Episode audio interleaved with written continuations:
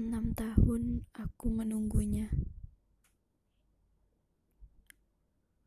Enam tahun aku tidak membuka hati untuk siapa pun.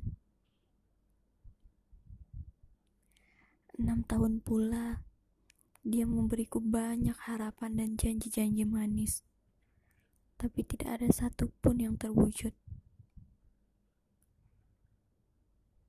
Aku tidak tahu apa yang membuatku bertahan. Padahal ada banyak pilihan-pilihan lain yang bisa kupilih. Apakah cinta memang sebodoh itu? Rela menunggu seseorang yang kita sendiri sudah tahu akhirnya tidak akan bersama.